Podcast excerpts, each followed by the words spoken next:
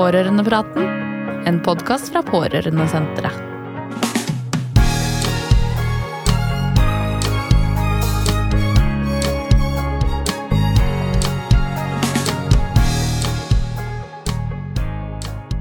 Demens er nok et ord som er kjent for ganske mange. Det fins mange ulike demenssykdommer. Eh, felles for alle er at de påvirker den som har tilstanden, og de som er rundt. Og det er dessverre sånn at det ikke går an å kurere sykdommen. Eh, men det går an å leve gode liv på mange ulike måter.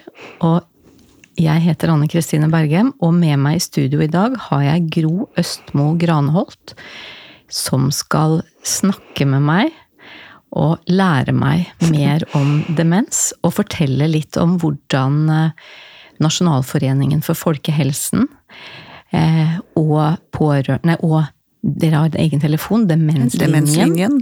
Hvordan dere jobber for både pasienter og pårørende. Velkommen. Takk. Hyggelig å få komme. Ja, og jeg har gleda meg veldig til å snakke med deg. Mm. Eh, og så håper jeg at du kan fortelle litt om deg selv og jobben din. Ja. Jobben min er jo det viktigste å snakke om nå, men litt om meg. Jeg er jo jeg er psykiatrisk sykepleier med videreutdanning i veiledning og lang erfaring innen psykiatri og demensomsorg. Jeg kom vel borti demensomsorg for over 40 år siden. Da var det ikke så mange som kalte det demens. Da kalte man det senilitet, selv om vi vet at det betyr gammel. Så jeg har jo fått vært med på hele utviklingen av eh, demensomsorgen, som jeg, selv om det ikke har kommet så langt, eller langt nok, så har vi kommet veldig langt i forhold til hvordan det var når jeg var nyutdannet sykepleier i 1984. Ja, hvor lenge har du jobbet på, på telefonen? Eh, jeg har jobbet til og fra i Nasjonalforeningen for folkehelsen. Første gangen var jeg der i 2008, men nå har jeg fast stilling der som jeg bare har hatt i ett og et halvt år. Da. Jeg har jobbet som vikar ved siden av annen jobb uh, før det.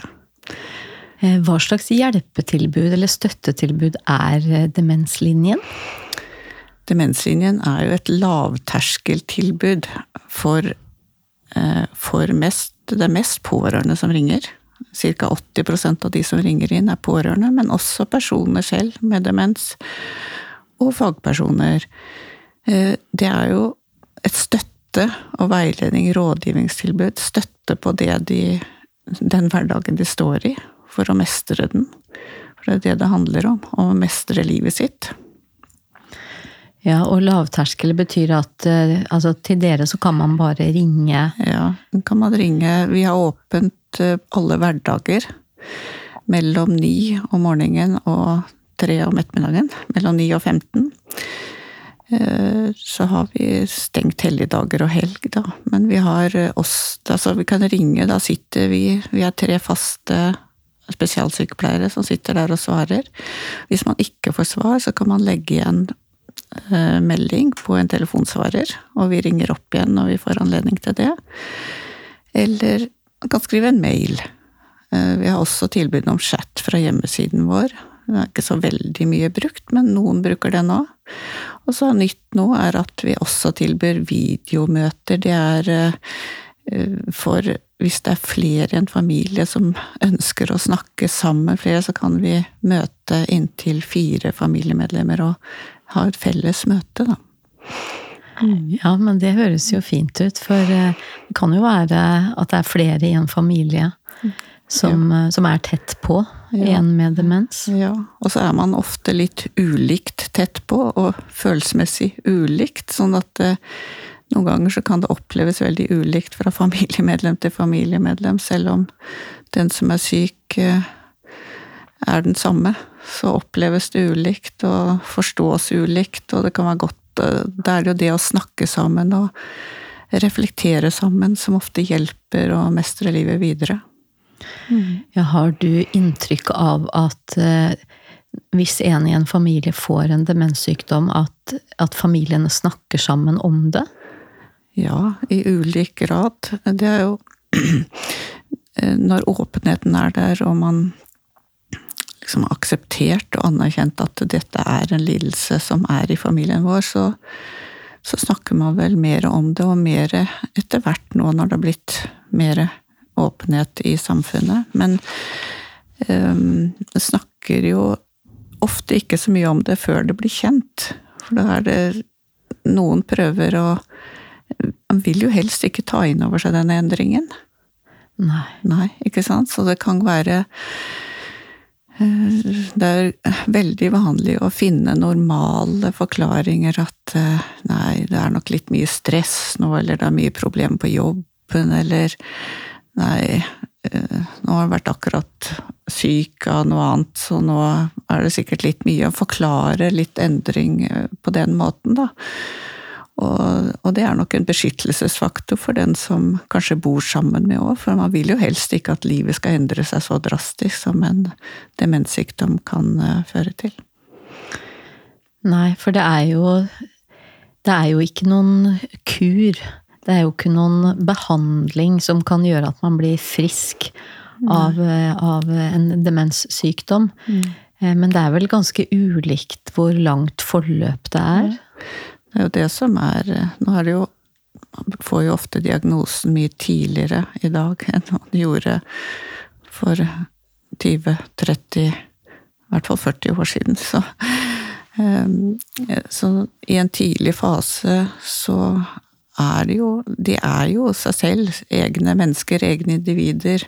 Og så har man utfordringer på grunn av at man har den kognitive svikten som sykdommer som fører til demens eh, medfører. Ehm, så Nå snakka jeg meg litt bort her, men Det er helt i orden. ja. ja. Men, og du sa at det er flest pårørende som ringer. altså eh, når pårørende ringer, er det i den, liksom i den første fasen før det har blitt satt noen diagnose, eller er det Ja, det er veldig mange gjør jo det. Mange, det er en av de vanlige, mer vanlige grunnene til at de ringer. Fordi de lurer på hvordan skal de gå fram for å få funnet ut om dette er demens, eller om det er noe annet, og hva kan de gjøre, og hvor skal de starte? Hvem skal de henvende seg til? Og da er jo det første vi anbefaler, er jo å kontakte fastlegen til personen det gjelder. Ehm, og åpenhet med personen det gjelder, er jo også noe vi anbefaler. Det er ikke alltid mulig i alle faser.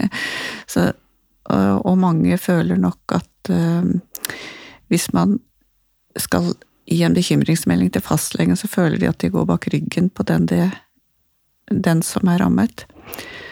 Og da prøver vi å støtte på at dette er en måte å hjelpe på, fordi at det å ta opp denne bekymringen med fastlegen det kan være med på å avsløre annen sykdom som ikke er demens, som kan behandles.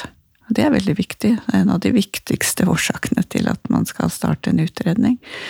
Det kan, eh, det kan jo være ubalanse i kroppen generelt, eller psykiske forstyrrelser. Depresjon, for eksempel, kan jo arte seg i, på mye samme måten.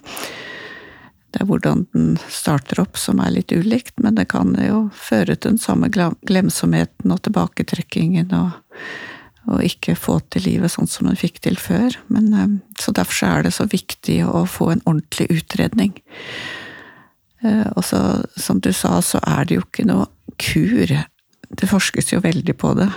Så det er jo noe som er på gang, men det er jo ikke noe som er anvendelig ennå som en behandlende kur. Eh, her i landet, eh, i hvert fall. Og så er det det at det er jo så utrolig mange ulike sykdommer som fører til demens. Det er jo mer enn 300 ulike tilstander nå som kan gi demenssykdommer, selv om vi har noen hovedgrupper. Eh, det kan vi jo snakke om seinere, kanskje. Ja, eller vi kan jo godt nevne det ja. nå, for det som vel de fleste har hørt om, er Alzheimers ja. sykdom, så ja. den er kanskje ganske vanlig? Det er jo den vanligste. Altså, I hvert fall 60% av de som har en demenssykdom, har Alzheimer-sykdom.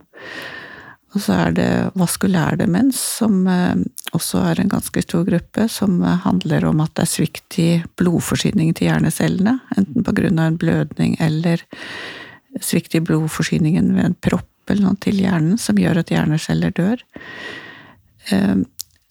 Det kan også være blandingstilstander mellom Alzheimer og vaskulær demens. Og så har vi en type som heter Lewy body demens, som er også en stor gruppe. Og så er det frontotemporal demens, som er eh, Noen sier frontallapsdemens eller pannelapsdemens, som rammer eh, sentra av hjernen som eh, har mye med senter for hemninger og ukritisk atferd, så blir ofte litt vanskelig atferd og ukritisk oppførsel som gjør at det blir veldig vanskelig. Det, ja, for mm. i fremre del av hjernen, mm. altså i pannelappen, mm. så sitter jo egentlig litt sånn kontroll, mm. kontrollsentre. Mm. mm. Så, så, jeg kjenner igjen det du sier, og jeg, jeg husker faktisk en kollega som fortalte om en veldig vond situasjon som hadde oppstått i en familie, fordi at eh, det var far i familien som hadde mm. fått mm. den typen demenssykdom, men det var det jo mm. ingen som visste. Mm. Men han begynte da med faktisk litt sånn eh, ukritisk eh, mm. Litt sånn seksuelle tilnærminger. Eh, blant annet til datteren i familien. Han hadde jo aldri gjort noe sånt før. Nei, det det. Men, eh, men, så fant de jo ut av det etter hvert, da. At det var rett og slett en sånn demenssykdom.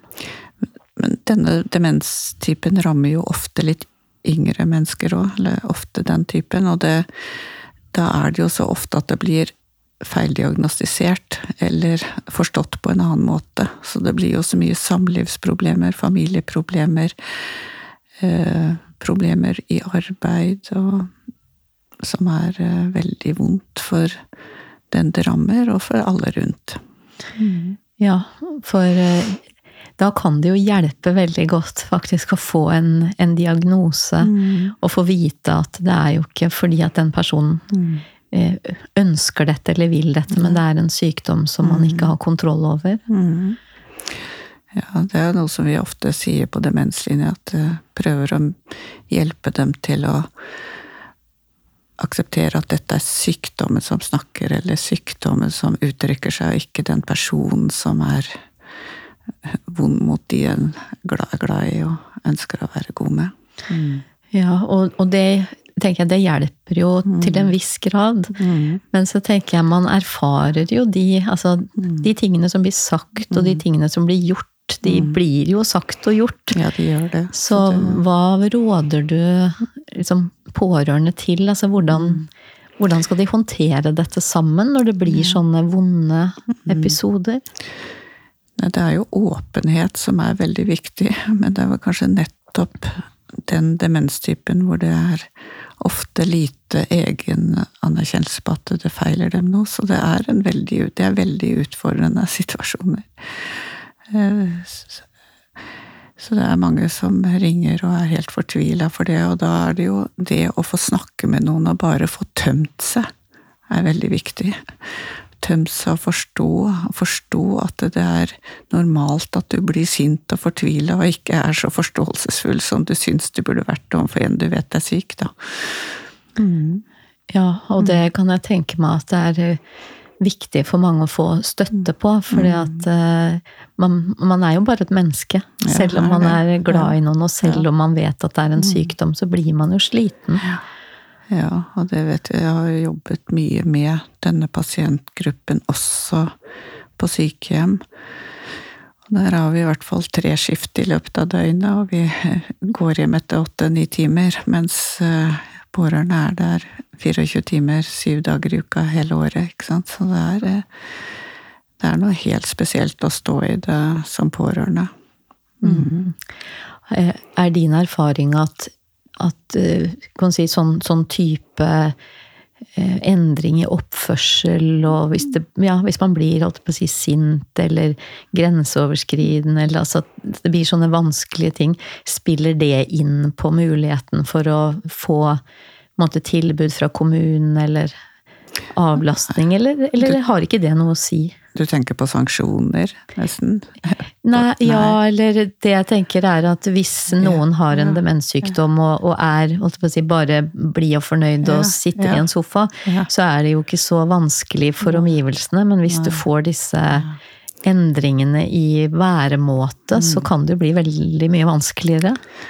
Ja, sånn at du, du, tenker at kanskje kommunen ikke har kapasitet til å ta imot dem. For det er klart det er krevende. Men, eh, men det Jeg har ikke inntrykk at det, jeg tror heller at når det er så vanskelig, så skjønner, at, skjønner kommunen at de må hjelpe til. Men så er det jo det at den personen som det gjelder, kanskje ikke selv tenker at den trenger noe hjelp, så da er det jo vanskelig å komme til med hjelpen. Det vil jo være en mm. utfordring. Mm. Og jeg vet ikke om dere får mange spørsmål om sånn vurdering av samtykkekompetanse, og mm. når, når er man nødt til å ha samtykke, og når vi får jo mye spørsmål ja. om det, men vi ja. kan jo ikke gå inn i det, for vi kjenner jo ikke sakene, vi kjenner jo ikke personene. Så vi henviser jo eh, veldig mye til det kommunale hjelpeapparatet og til fastlegen, og det er jo de som kan vurdere det. Vi kan bare støtte at det er nødvendig å vurdere, og at det kanskje noen ganger så må man ta over. Eh, men veldig ofte så er det jo det å kunne møte personen som har denne lidelsen på en god måte, bare forstå at sånn er de på grunn av sykdommen, så er det lettere, hvis man skjønner det og får støtte på at det litt sånn kontinuerlig støtte på at så vanskelig er det, og det skjønner vi også, at så vanskelig har du det som pårørende. Så. Og, og møter den personen som er rammet eh, på en god måte, så glir jo hverdagen bedre eh, bare ved det. Ja, og når du sier på en god måte, mm. har du noe litt sånn mm. måte, praktiske, mm. konkrete tips mm. til hva en, en, god måte er? Og nå, og nå tenker jeg, Vi bør ikke snakke bare om den Nei. typen demens, men liksom alle, alle typer demens. Ja. Det som jeg tenker er det aller viktigste, er å legge til rette for at den personen som er syk, skal oppleve å mestre livet sitt og mestre den situasjonen de er i. Og for å få til det, så må man jo etablere tillit. Um, og det kan man gjøre rent sånn helt konkret, så er det jo med å ikke snakke så kompliserte setninger. Litt korte setninger. Ha øyekontakt. Være på samme plan, sånn at man ikke står over, men setter seg ned ved siden av den der. Sørge for at omgivelsene ikke er så støyete. At ikke det er et bråkete rom, at eller finner en rolig krok eller et annet rom å snakke i. Ehm, det å være konkret og ikke bruke så mye abstrakte vendinger, og snakke om det som er her og nå. Og ikke spørre 'husker du', og, og ikke konfrontere med det de ikke får til, men heller vennlig og mild og med kroppsspråket vise at jeg, jeg skjønner deg, og og det, det er jo en tålmodighetsprøve. Så det er jo en ekspertoppgave, egentlig. Så de pårørende som står i de utfordringene hele tiden, har jo en kjempeoppgave.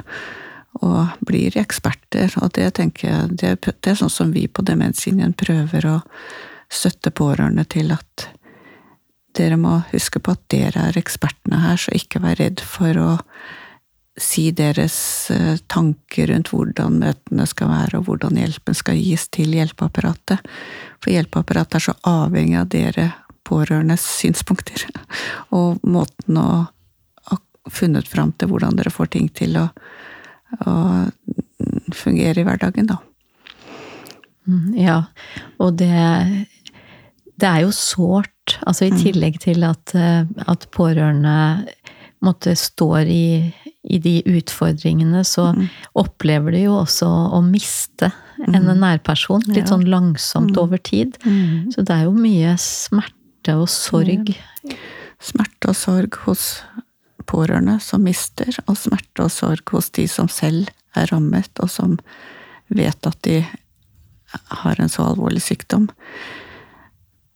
Så det er eh, Smerte og sorg, det må vi ha fokus på, men samtidig så må vi ha fokus på at det er mye de mestrer, og det uttrykker jo personene med demens selv veldig, at det er så viktig å få lov å oppleve at de fungerer i hverdagen, og det, der er det jo mye hele vi i samfunnet kan legge til rette for. At, for det er, ikke sånn, det er ikke bare det å lage tilbud til personer med demens, men det å gjøre samfunnet sånn at personer med demens også kan ha det godt i det felles samfunnet vi har.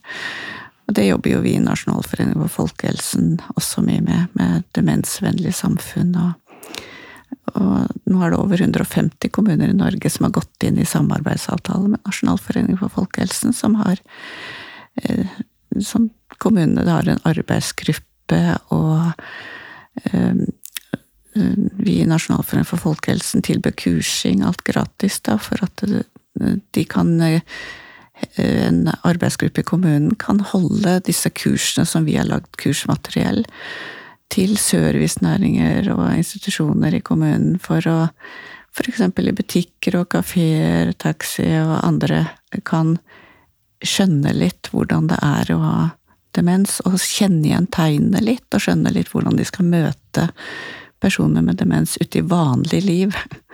For det er sånn som det blir fremover nå, så er det det vanlige livet som må akseptere at folk også får en demenssykdom, samtidig med mye andre sykdommer som man får når eh, befolkningen blir eldre. Mm. Mm. Ja, og, og, det du sier nå, at man må gjøre dette i fellesskap. Og, mm. og, og eh, dere har et, eh, et erfaringspanel. Ja. Vi har et erfaringspanel Eh, bestående av personer som selv har en demenssykdom. Eh, veldig mange av dem har med en ledsager. Ofte er en partner eller et barn eller ja, de som oppleves nærmest, som er med. Og vi har fire møter i året hvor vi møtes inne i Oscars gate, hvor vi har hovedkontoret vårt, og har møter hvor vi får vi får synspunkter og meninger og opplevelser fra personen med demens som gjør at vi kan påvirke eh, Som interesseorganisasjon kan eh, påvirke politisk og eh, med informasjon, da, sånn at det blir Denne pasientgruppen blir møtt best mulig. Ja, hva er det de sier? Altså, mm. De som sitter i dette erfaringspanelet, hva er det de mm. formidler, som mm. dere da kan mm. videreformidle? Mm. De formidler i hvert fall veldig at uh, hvor viktig det er å bli sett på som den personen de er. De er ikke en dement. De er ikke en dement person, de er en person som har fått en demenssykdom. Eh, med sin identitet, og veldig lenge i demenssykdommen så fungerer de jo som den personen, og trenger kanskje litt tilrettelegging for å kunne fungere, men med den tilrettelegging så fungerer de mm, på linje med oss andre. Det er jo mange som trenger ulike tilrettelegginger her i samfunnet. Eh, og med den eh, kan jo nå er det jo mange som har hørt på demens, eller sett Demenskoret på NRK TV. Hvor også det er representanter fra vårt erfaringspanel inn der òg. Og de sier jo det at det med åpenhet og kunnskap, særlig det kunnskap ute i befolkningen, at kunnskap kan um, gjøre at de opplever å bli møtt mer som en person, og ikke bare som en diagnose. For de er jo fortsatt den personen de er, og de opplever eh, mer frihet eller mer trygghet og mer mestring ved, å, ved at eh, folk forstår og skjønner hva det dreier seg om. Mm. Det er kanskje lettere også å være åpen om sykdommen hvis man mm. ikke blir møtt med fordommer. Ja. Ja. For jeg tenker hvis liksom, For andre sykdommer så kan det jo være liksom at man forteller at nei, nå har jeg fått det, eller ja. nå har jeg fått det, eller skal ja. på sykehus og ta en operasjon, eller mm. sånn. Mm. Men eh, jeg vet ikke, hvis folk eh, begynner på en ny fritidsaktivitet, og så mm. starter med å si det at og forresten så mm. har jeg Alzheimers sykdom, mm. så vil jeg gjette at, at det er en del fordommer ute og går, og at folk kanskje opplever å ikke blir tatt på alvor, eller blir sett litt rart på, eller at folk snakker over hodet. Ja. Og det er jo som det jeg snakket om tidligere, hvordan det var for en del år siden, så, så var det jo mest de med langkommen demens vi snakket om. Vi snakket ikke om de som var i tidlig fase, som fortsatt fungerte i livet. Sånn at det å ha mer åpenhet gjør at de ikke lenger føler seg så ensomme, for da kan de være ute i livet. Og, og de sier at uh, før så opplevde de at uh, personer kanskje ikke ja, Når de fortalte om en sykdom, så turte de ikke å, nesten å snakke med dem mer, i hvert fall ikke om den sykdommen, fordi at det, det ble så skremmende, eller de visste så lite om det. Men når folk vet litt mer om det, så, så skjønner de litt mer at det er noen utfordringer disse menneskene har. Men de, det er ikke sånn at de ikke mestrer livet. Men um, um, ja, at det er For det er jo vondt at Før så, så hvis noen hørte at noen hadde demens, så snakket man ikke om det. Det var bare noe stille. Yeah. Og nå kan man snakke om det. De kan nok noen ganger oppleve det litt sårende og, og liksom litt lite forstand når noen sier ja, men jeg skjønner ikke at du har demens, du ser jo helt normal ut, det virker jo helt normal. Og det er det jo, de har bare noen utfordringer. Mm. Men det å kunne snakke med andre om det, at det er et tema man kan snakke om, det er jo noe som vi opplever nå har blitt mer åpenhet etter dette demenskoret, som har nettopp det med åpenhet har den bidratt til. Og vi på Demenslinjen opplever jo en eksplosjon av henvendelser etter ja. det. Så er det i hvert fall dobling av antall telefoner inn hver dag. Så det er veldig god folkeopplysning? Ja, det er viktig folkeopplysning. Og det er jo noe av det som vi i Nasjonalforeningen for folkehelsen også ser på som vår viktige målsetting, er å gi folkeopplysning, sånn at, eh, sånn at det er lettere å møte sykdommen med åpenhet. Ja, og der tenker jeg at vi har jo også noen litt sånn kjendiser ja. som, eh, som, har valgt å stå fram og, mm. og, fortelle om sin sykdom og sine utfordringer, og det mm. har nok veldig stor betydning mm. for, eh, for mm. alle. Ja, det har det. Og det at eh, selv om det er veldig viktig å ha med seg det som du sa i stad, at det er viktig at dette er en sorg, og det er mye tristhet i det også, så er det også viktig å huske på at selv om du har fått en demensdiagnose, så skal du leve livet.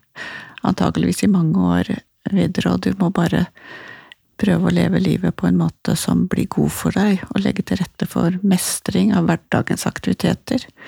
Det å kunne klippe hekken, eller gå tur med hunden, eller hjelpe til i hverdagens aktiviteter i mer familien, det er med på å gjøre livet godt, sånn at eh, det er en blanding av glede og sorg.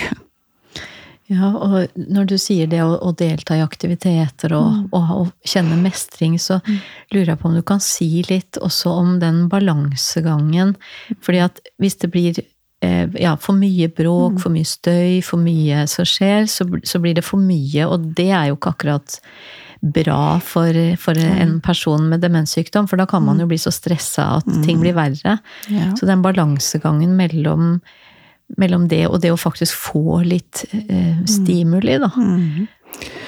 Ja, det er jo veldig viktig, som du sier, at det må være balanse, og det kan ikke være for mye på en gang. Og skal ikke være for mange sanseinntrykk på en gang. Men det er jo veldig ulikt hvordan de ulike tåler de ulike tingene, så det er ikke noe, ingenting som er helt generelle anbefalinger på hva som er riktig, men i hvert fall det å variere med hvile og aktivitet er viktig.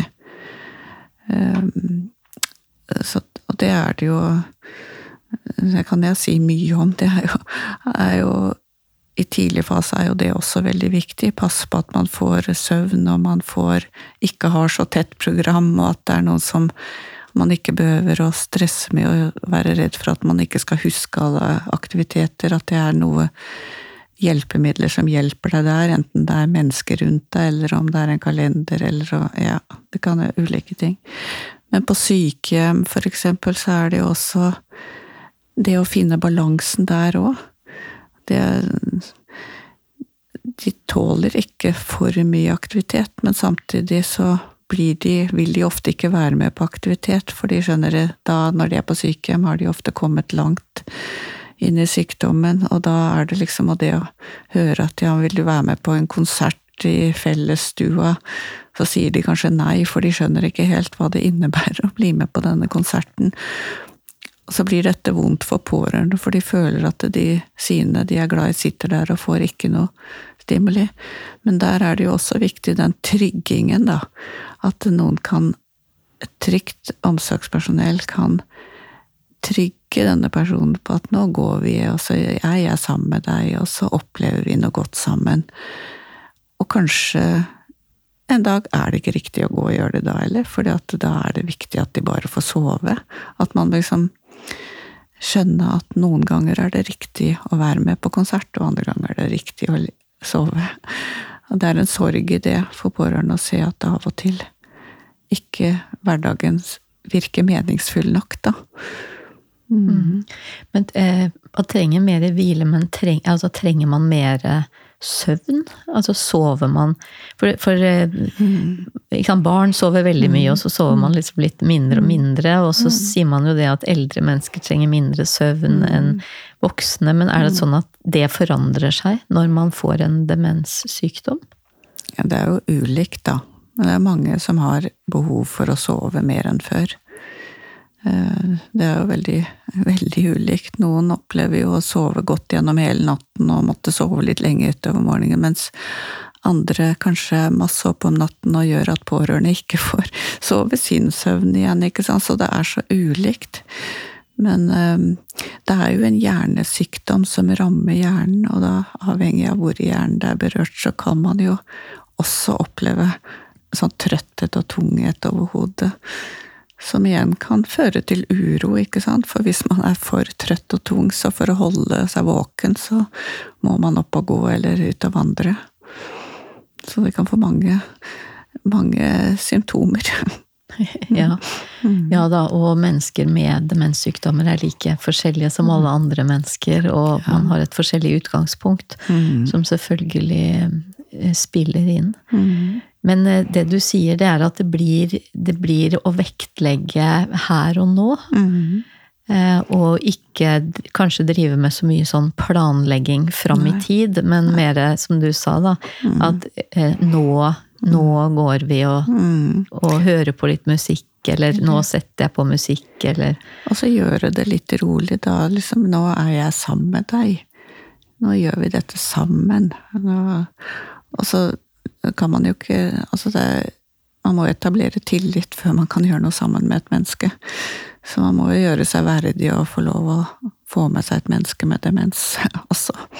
Så da, da må man jo gjøre det med disse tilnærmingen og tryggingen som er og jeg tror at hvis mange hadde kjent mer til hvordan man gjør dette på en god og vennlig måte Det er jo ikke så avansert, for det er bare å gjøre det på en god og vennlig måte, og rolig, og ikke så avansert. Så blir mennesker med demens også trygg på deg, hvis du fortjener det. Ja, at de faktisk erfarer at du mm. vil dem vel. Mm.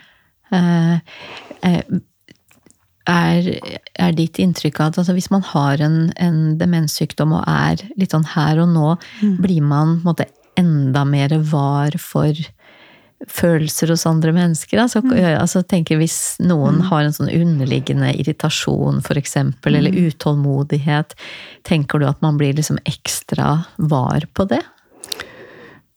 Altså Følelsene i hvert fall er like sterkt, selv om det var en demenssykdom. Sånn at uh, det er ikke de som er uh, svekket, det er kognitiv funksjon ellers. Så, og det er så ulikt igjen, da. Men det er jo der man ser at musikk og det å være sammen i noe som er litt sånn godt og nært og trygt. Bare ta en kopp kaffe sammen i ro, liksom. At noen vil være sammen med meg. Det er jo en respekt, bare det, ikke sant? At jeg er, jeg er så verdifull at noen vil være sammen med meg.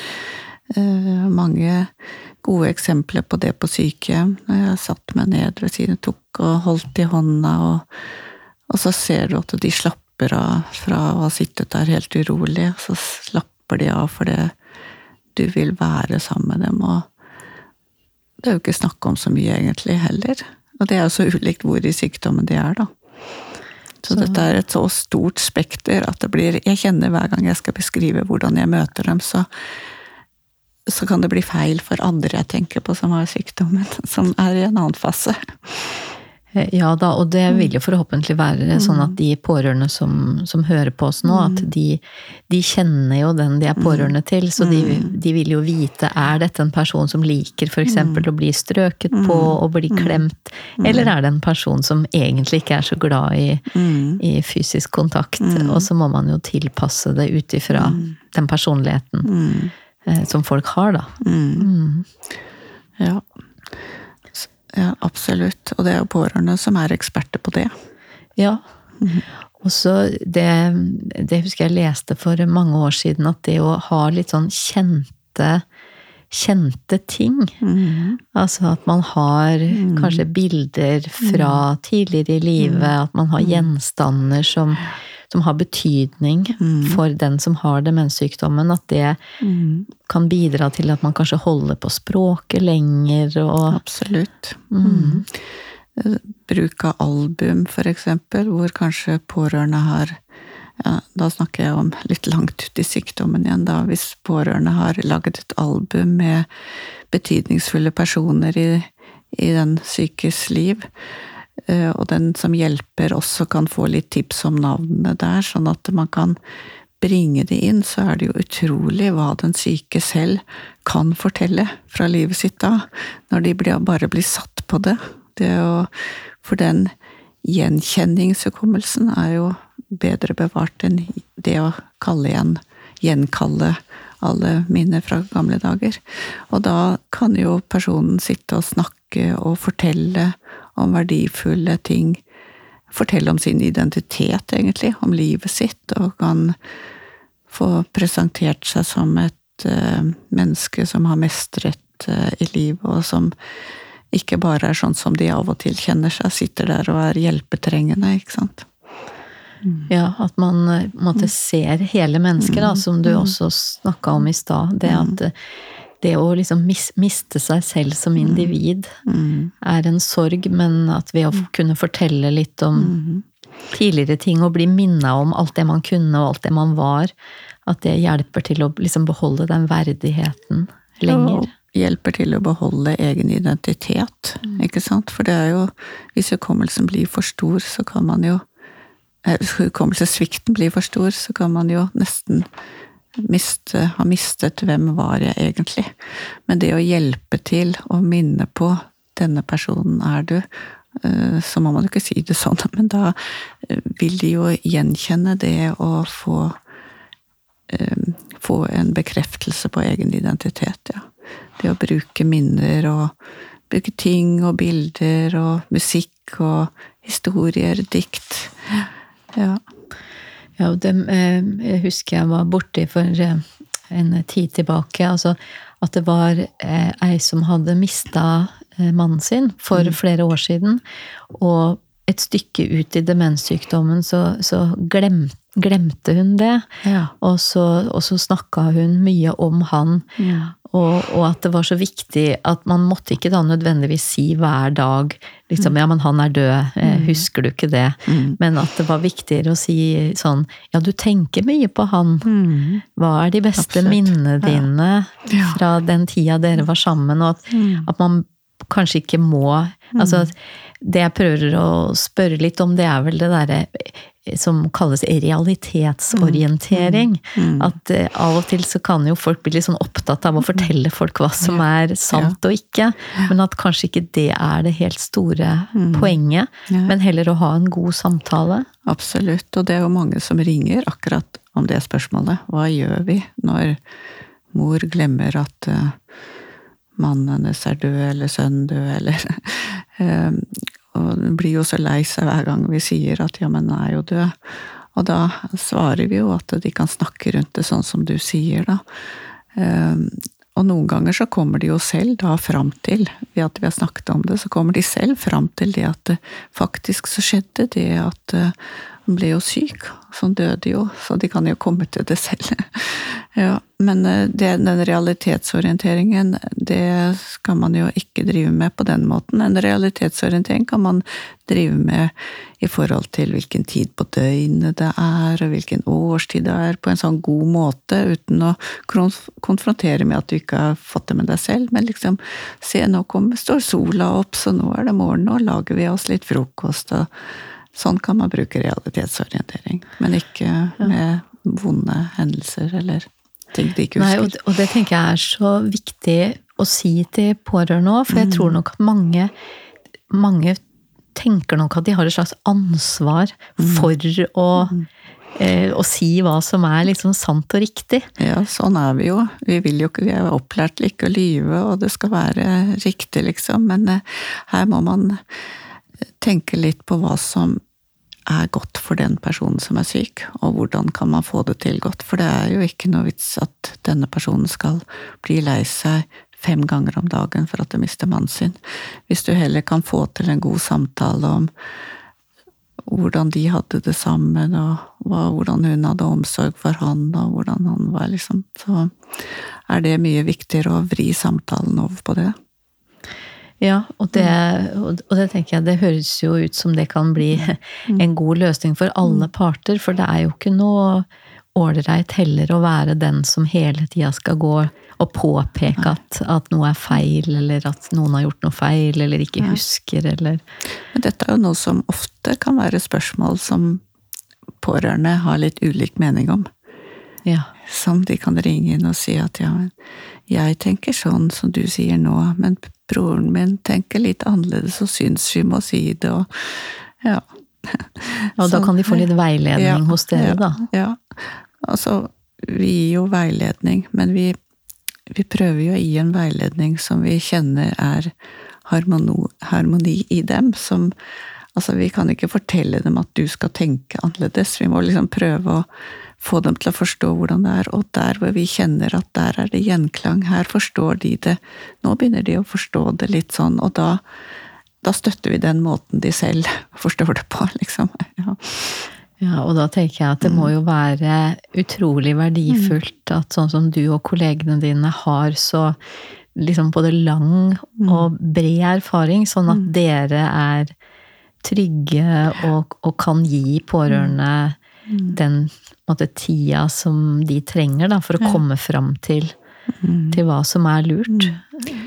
Ja, det er jo det vi har. Vi har jo, selv om ikke alle opplever å nå oss ved første innring, så har vi jo, når vi først får dem på tråden, så har vi tid. Vi har tid til å snakke med dem til vi opplever at de har fått den hjelpen de trenger der og da. Og ofte så er det jo sånn at vi sier må gjerne ringe oss igjen, for det kan komme på nye spørsmål, og det er mange som ringer flere ganger. Eh, fordi at det kommer på nye følelsesmessige utfordringer som de bare trenger støtte i å stå i for å klare å holde ut den utfordrende hverdagen de har. Mm. Ja, og det går jo an å se for seg også at hvis det er en, en ektefelle da, som mm. er pårørende, så der hvor man alltid var to til å ta mm. avgjørelser og mm. til å planlegge og til å mm. gjøre ting, så må man plutselig gjøre alt alene. Og da kan det være god støtte og hjelp, bare det å ha et menneske som lytter i den andre enden av telefonen. Ja, og bekrefte litt det de tenker og sier selv. for det mange lurer på eh, Eller den beste samtalen syns jeg er når de som har ringt inn, sier ja, men da har jeg jo tenkt litt riktig, da. Da gjør jeg litt sånn som Ja, da var det ikke helt feil sånn som jeg tenkte. Og det er veldig godt når, det, når vi kan støtte på det, da. Og det kan vi jo veldig, veldig ofte. Ja, mm. for, for, det har du jo kommet tilbake til mm. mange ganger. Det at, mm. at pårørende er jo eksperter på mm. sine nærmeste, og er dem mm. som kjenner dem aller, aller best. Så det vil jo aldri være noen utenforstående som kan, kan kjenne dem bedre. Men allikevel kan det av og til være godt mm. å ha støtte mm. fra noen utenforstående mm. når det blir vanskelig eller, mm. eller, ensomt. Nå har vi snakket veldig mye om pårørende, Marem. Det er jo også noen som ringer inn selv, som er bekymret for at de kanskje er i ferd med å utvikle en demenssykdom, eller som vet at de har fått en demensdiagnose diagnose og lurer på hvordan de skal forholde seg videre. Ehm, så det er jo også den gruppen vi møter og kan snakke med.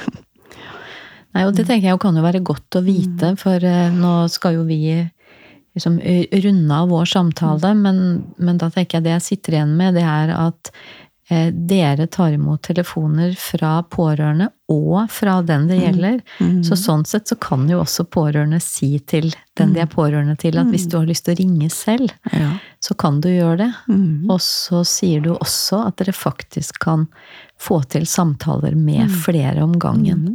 Mm. Så, så, det er jo kanskje litt det jeg har lyst til å sende ut til ja. de som hører på oss nå. Det er at ingen behøver å være helt alene Nei. i en vanskelig situasjon. Nei.